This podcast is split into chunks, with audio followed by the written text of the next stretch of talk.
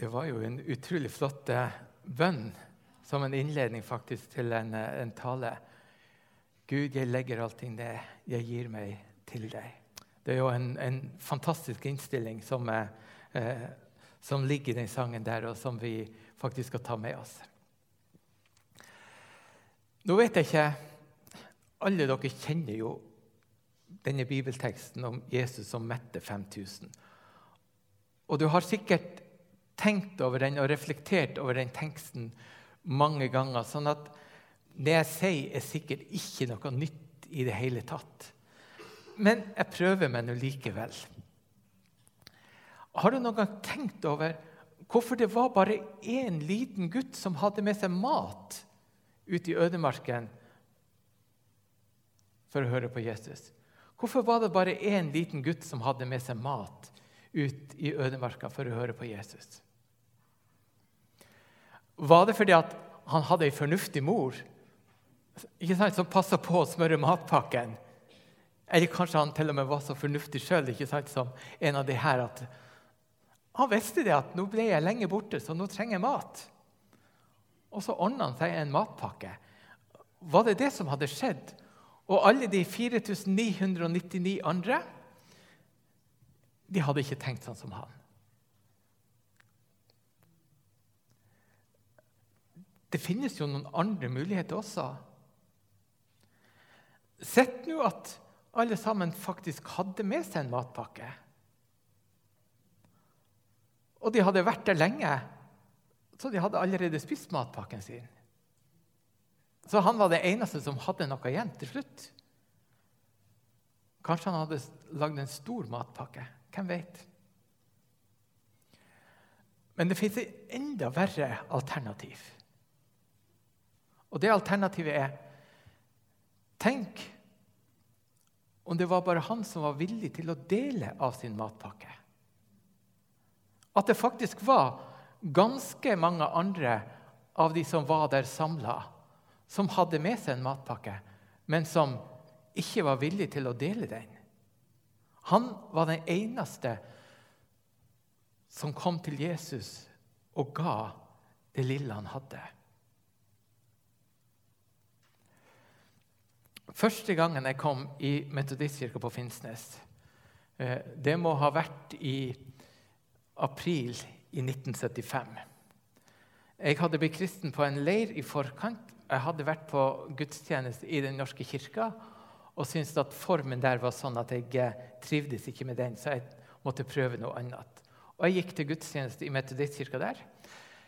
Det var en samling på 15-20 mennesker som var til stede på den gudstjenesten. Ikke noe stort, ikke noe ungdomsvennlig, ikke noen ting i det hele tatt. Eh, og Jeg skal ikke si at den gudstjenesten var så mye bedre enn den gudstjenesten som var i Den norske kirke, som hadde vært på en søndag eller to før. Eh, det var ikke det. Men det som skjedde etter gudstjenesten, det gjorde inntrykk på meg. Fordi at da var det et ungt par som sier, 'Kan ikke du bli med oss hjem på kveldsmat?' Og så hadde hun bakt ferske boller. Og så kokte hun kakao. Og så satt vi der rundt bordet, ikke bare jeg, men en to-tre andre som også hadde vært på gudstjenesten, og fikk lov til å snakke med hverandre og bli kjent med hverandre. Altså gjestfrihet på en eh, fantastisk, fantastisk måte.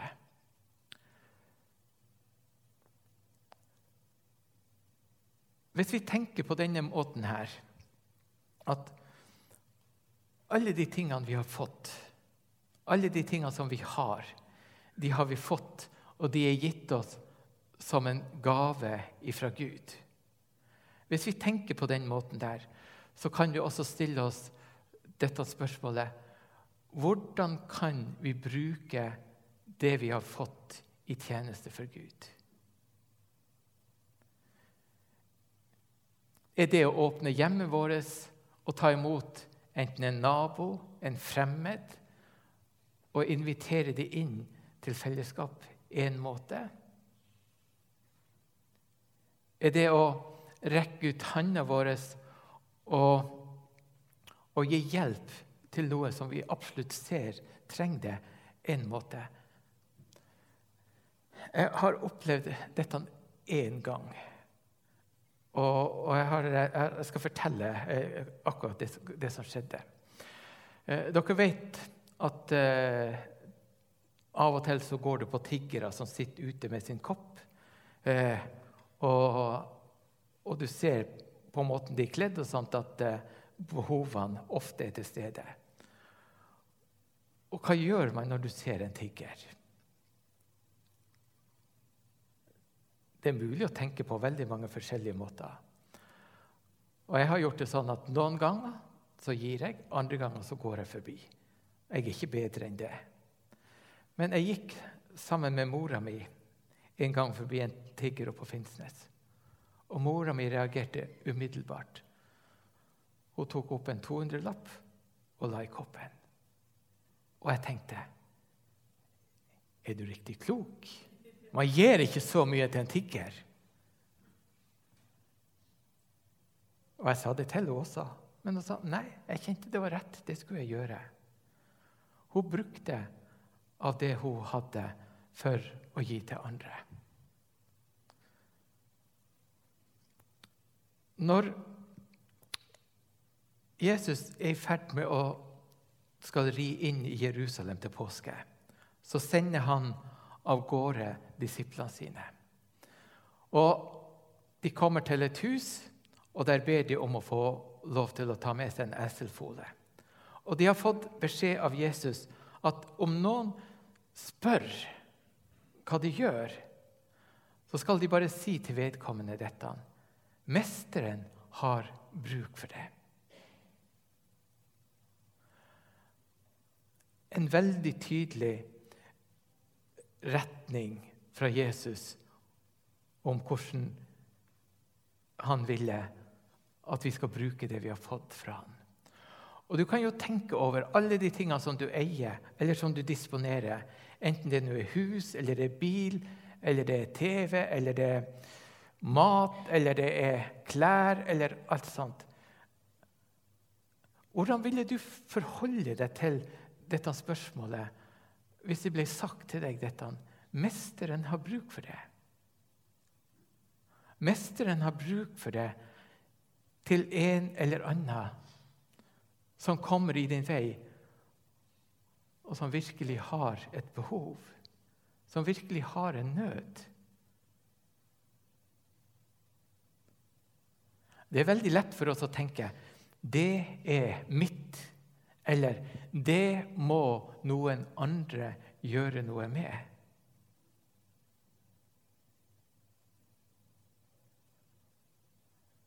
Men det var noe i den første sangen her som utfordrer. Vi må starte nå. Vi må gjøre det. Det er vi som har en mulighet til å gjøre noe med det. Det er noe av det alvoret som, som ligger i denne forståelsen av at ingenting av det vi har, har vi skaffa oss selv. Det er gitt oss av Gud. Og vi trenger å tenke hvordan kan vi bruke de eiendelene som vi har, i tjeneste for Gud? Vi vet at behovene rundt oss er store, så det er ingenting å si på det. Det var eiendeler. Men jeg har et punkt til. I Det gamle testamentet så kommer den unge David til kong Saul. Den unge David har lært seg en del ferdigheter opp gjennom årene.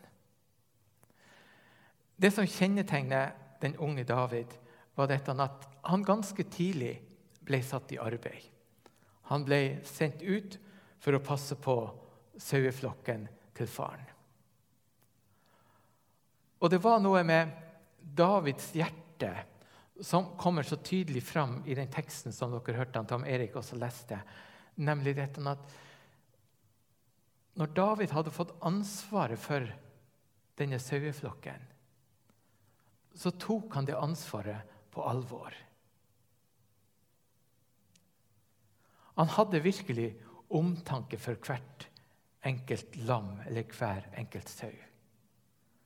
Kom det en løve eller kom det en bjørn og tok dem, så sprang jeg til dem og reiv det ut av munnen. Det forteller noe om den omsorgen han hadde.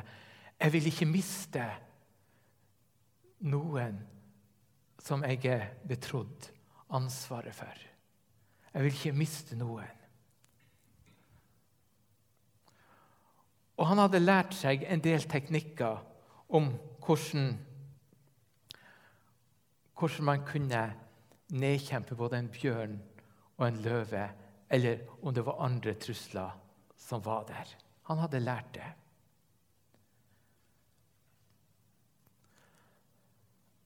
Men David hadde også en annen ting.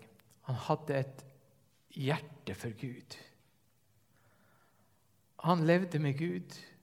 Han ba til Gud, han tilba Gud, han sang Nesten som du kan eh, du nesten kan høre liksom David synge ute i nattemørket når han passer på flokken sin. En lovsang til Gud. Og det hadde blitt så dypt prenta inn i han dette at Gud må du ha en respekt for. Det er han jeg tjener, og ingen andre. Og når han hører hvordan filistrene står fram og, eh, og håner Gud Og når han ser Israelsfolket, hvor feige de blir, og hvor redd de blir for overmakten, og bare lar dette skje så selv om han er veldig ung, så stiller han seg til tjeneste. Selv om han er veldig ung, så stiller han seg til tjeneste for Gud. Og Han går til kong Saul, og han ber Kan ikke jeg få lov til å kjempe mot denne kjempen Goliat og mot filistrene?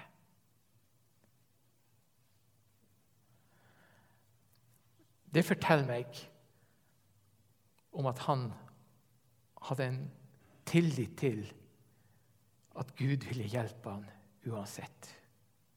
Menneskelig talt så var jo alle oddsene imot ham. Goliat var en kjempe, svær og kraftig, utrusta til tennene med våpen av beste slag. Og han hadde en svær hær med seg. David var en ung, liten gutt.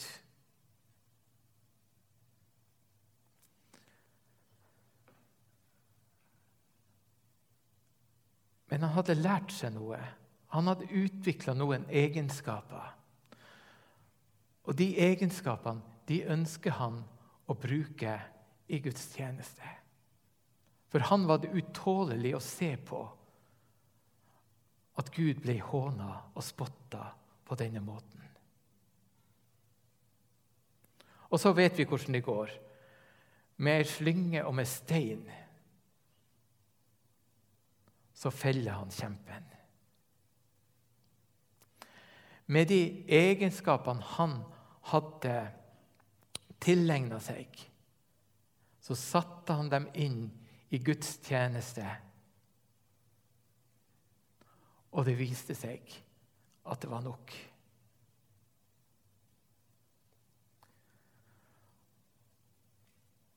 Og nå kan jo du tenke litt over hva er det jeg har lært meg? Hva er det jeg kan? Hva er det jeg er flink til? Og Jeg vil ikke at du skal gå i den fella og si dette at 'nei, jeg kan ingenting', og alle de andre er så mye bedre enn meg. Jeg vil at du skal tenke over hva er det jeg kan? Hva er det jeg har lært meg? Og hvordan kan jeg bruke det i en tjeneste for Gud?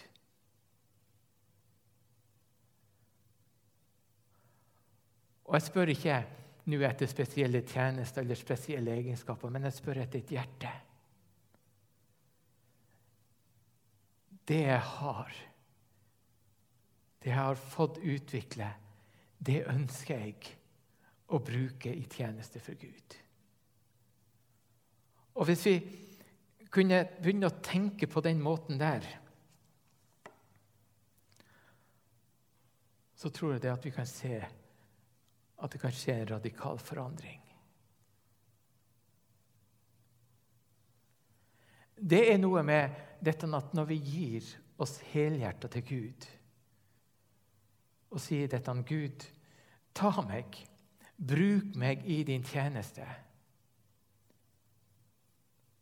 Og ikke blir så opptatt av at andre kan så mye mer og er så mye flinkere. Men når vi sier 'bruke det i Guds tjeneste', da legger Gud til det som er nødvendig, sånn at det blir til seier. For Gud vil sørge for oss. Det vi har for lite, det vi syns vi ikke eh, syns er for lite, så det ikke strekker til, det er Gud i stand til å gi til hver enkelt av oss. Så vi trenger egentlig bare å si Herre, her kommer jeg. Og jeg gir meg til deg.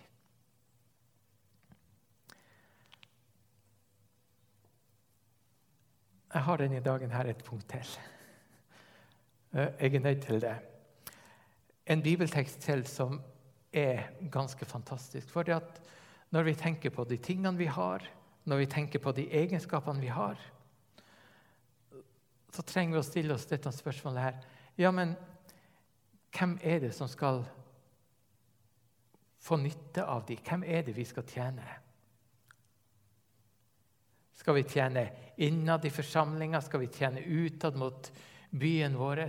Jeg, treng, jeg, tenker i utgangspunktet Vi trenger ikke å sette opp noen eh, vi trenger ikke setter sette opp noe skille mellom de tingene der. Begge to hører med til det store bildet. Men Abraham han får en gang besøk av tre fremmede menn. Og Hvis du leser i Første Mosebok kapittel 18, så, så ser du hvordan disse mennene kommer til Abraham. Og Abraham, hva gjør han når han får fremmede på besøk? Jo, han kaller de inn til seg og sier, 'Stans her, så lager vi mat til dere, og så får dere Eh, så får dere, eh, får dere næring og styrke på veien. Og så legger han til rette sånn at det blir diska opp til et godt måltid. Noen ganger i min fantasi, og dette er i min fantasi, og dette er ikke, ikke eh, det, det, står ingen detaljer som indikerer akkurat dette i Bibelen. Men, men det kan være lurt noen ganger å bruke fantasien for å få frem et poeng. Så tenker jeg som så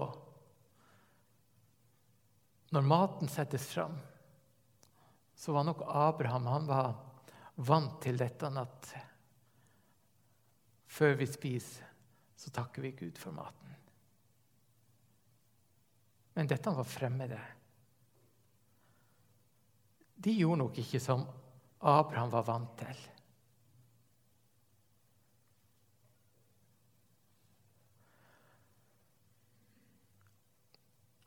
Og Historien kunne da ha stansa her med at Abraham sa vel, hvis ikke dere kan takke Gud for maten, så kan dere jo bare gå.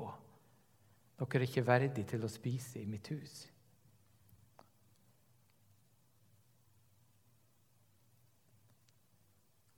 Men han gjorde ikke det. Fordi han visste at med det han hadde, så kunne han tjene Gud. Og paradokset eller velsignelsen som lå i dette at han brukte av det han hadde for å tjene Gud, var dette at han fikk et budskap fra Gud. Om ett år skal endelig løftet oppfylles. og du skal ha en sønn.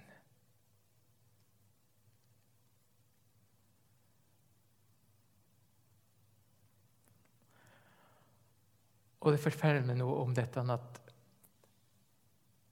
når vi tjener Gud med det vi har, enten det er materielle ting eller det er egenskaper eller hva det måtte være, så kan det hende noen ganger at vi møter på situasjoner der folk oppfører seg annerledes, kanskje til og med utakknemlig tilbake, osv.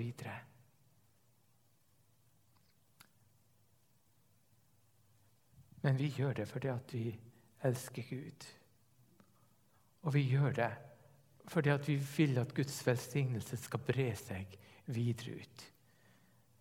Til de som står nær meg, de som står litt lenger borte, og til de som er langt borte. Og tenk deg det. Tenk deg det når menneskene i Larvik begynner å snakke om Guds folk. Som er et folk som velsigner, og som velsigner, og som velsigner. Både de som kanskje fortjener det, men kanskje aller mest de som ikke fortjener det. Og vi gjør det fordi at Kristus har elska oss først. Hans budskap til oss er dette at det vi har fått, det skal vi gi videre.